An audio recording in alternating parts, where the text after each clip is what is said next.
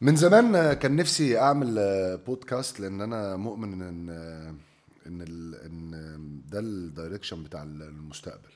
مش عشان كده بس ولكن أنا كمان مؤمن إن إن في كلام كتير قوي في التلفزيون بيتقال مجعلص وكلام آه، آه، رسميات قوي يعني. ما بتبقاش الرسميات في في ال- في البدلة والكرافته بس لكن بتبقى رسميات حتى في في في الكلام.